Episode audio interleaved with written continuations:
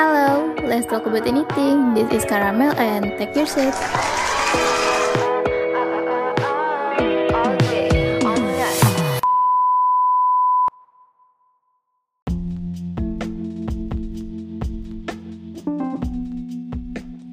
Halo, selamat malam semuanya. Ketemu lagi nih sama aku, Yayan Karamel yang akan menemani kalian untuk beberapa menit ke depan. Dan sebelum dimulai, aku mau kasih tahu lagi nih ke kalian kalau Caramel Talk menampung ide untuk RP World. Contohnya cerita pengalaman RP atau juga bisa pengalaman masa remaja. Jika kalian berminat, silakan PC ke ID yang tertera di form teratas Karamel ya. Terima kasih.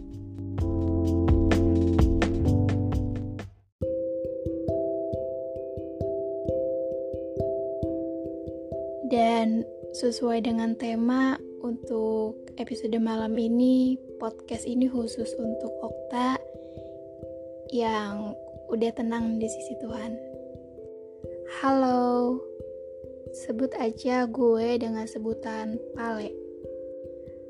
Gue mau ceritain sebuah pengalaman gue tentang seseorang yang sangat hebat Tepatnya pada bulan Juli tahun 2019, gue ketemu sama satu cewek, sebut aja dia namanya Okta. Dia adalah perempuan yang sangat hebat. Sebulan kita kenal, gue mulai nyaman dengan kehadiran dia. Dan begitu pun sebaliknya. Sampai di mana kita memutuskan untuk pacaran.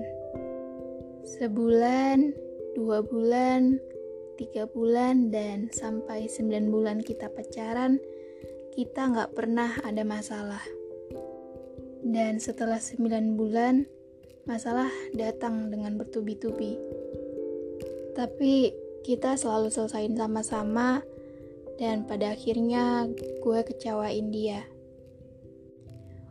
Gue ngelakuin hal yang sangat bodoh sampai membuat dia nangis, kecewa, dan marah.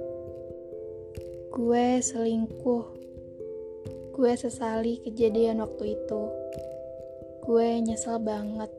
Tapi hebatnya dia, dia mau kasih gue kesempatan kedua. Gue berusaha untuk perbaikin semuanya. Tapi tepat di satu tahun kita pacaran, gue lagi dan lagi ngebuat dia kecewa dan akhirnya kita benar-benar putus karena suatu hal yang bodoh yang gue lakuin lagi dan lagi. Tapi gue sayang banget sama dia.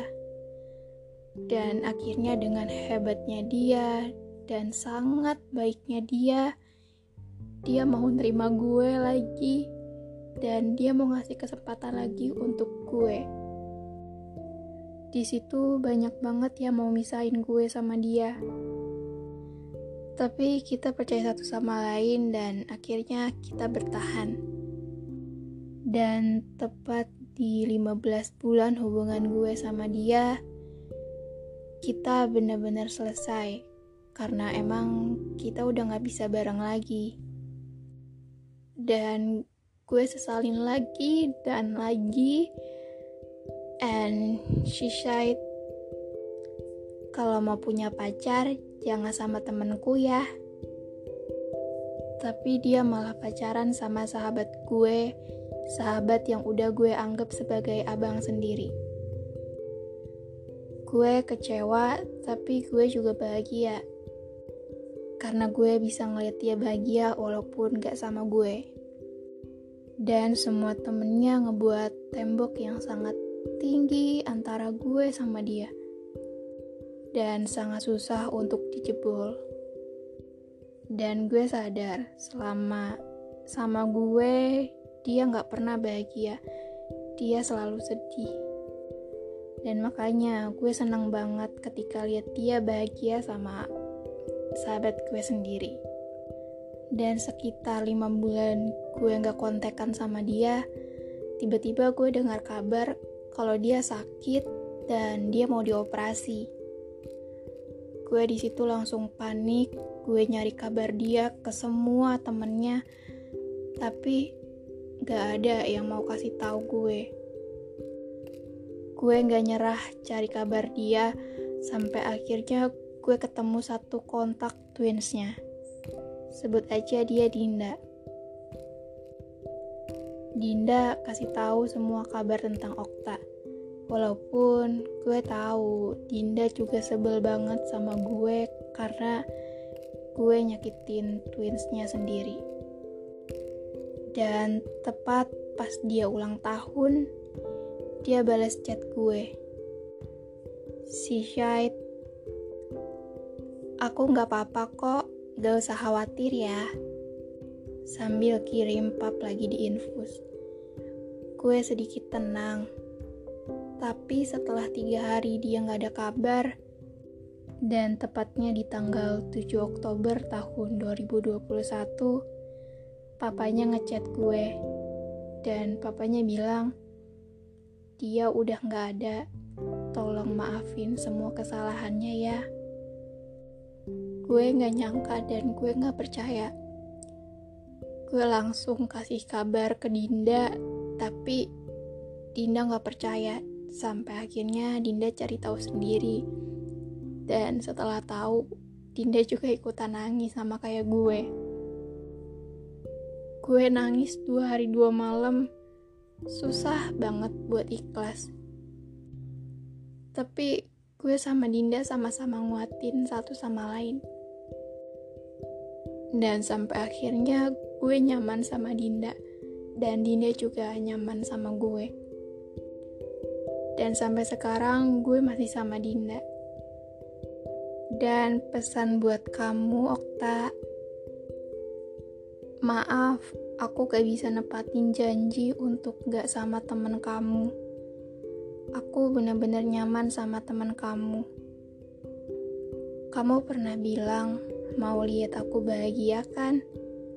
Aku sekarang bahagia sama Dinda. Kamu gak usah khawatir ya. Aku bisa jaga twins kamu. Sekali lagi, aku benar-benar minta maaf sama kamu. Okta, kamu yang tenang ya di sana. Aku yakin banget sekarang kamu jadi bidadari surga. Tuhan sayang kamu ya, lebih dari aku. Makanya kamu dipanggil duluan. Udah nggak sakit lagi ya cantik. Udah nggak akan ada yang bisa nyakitin kamu lagi. Baik-baik ya di sana cantik.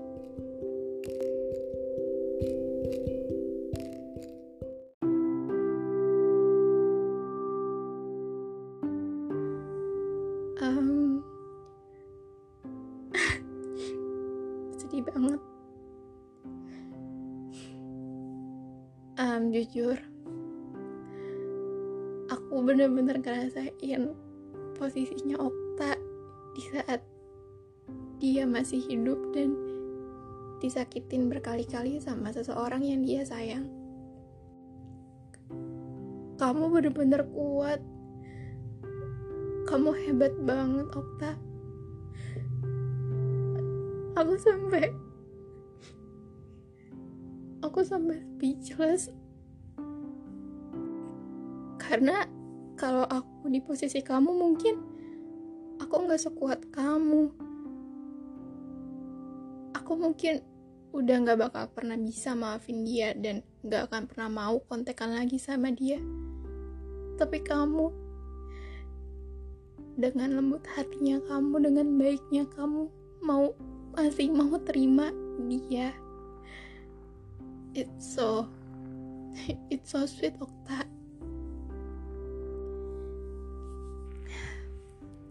bingung mau ngereaksi apa. Dia baik banget.